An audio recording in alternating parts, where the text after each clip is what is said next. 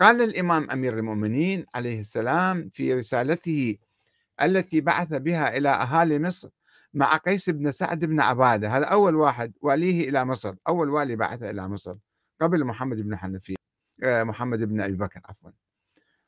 في هذه الرسالة الإمام علي أمير يذكر آه، رسالته إلى أهل مصر يقول فلو فلما مضى رسول الله صلى الله عليه وسلم من ذلك ما عليه قبضه الله عز وجل صلى الله عليه ورحمته وبركاته. ثم أن المسلمين استخلفوا استخلفوا به أميرين صالحين عملا بالكتاب والسنة وأحسن السيره ولم يعدوا لسنته ثم توفاهم الله عز وجل رضي الله عنهما.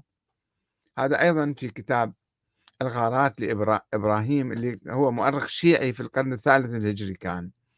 في جزء أول صفحة 210 وأيضا يذكر هذا السيد علي خان الششتري في كتابه الدرجات الرفيعة صفحة 336 والطبري من قبل طبعا يذكر في تاريخ الأمم والملوك جزء 3 صفحة 550 يذكر أنه آه، أو بكر ثم أن المسلمين استخلفوا به أميرين صالحين.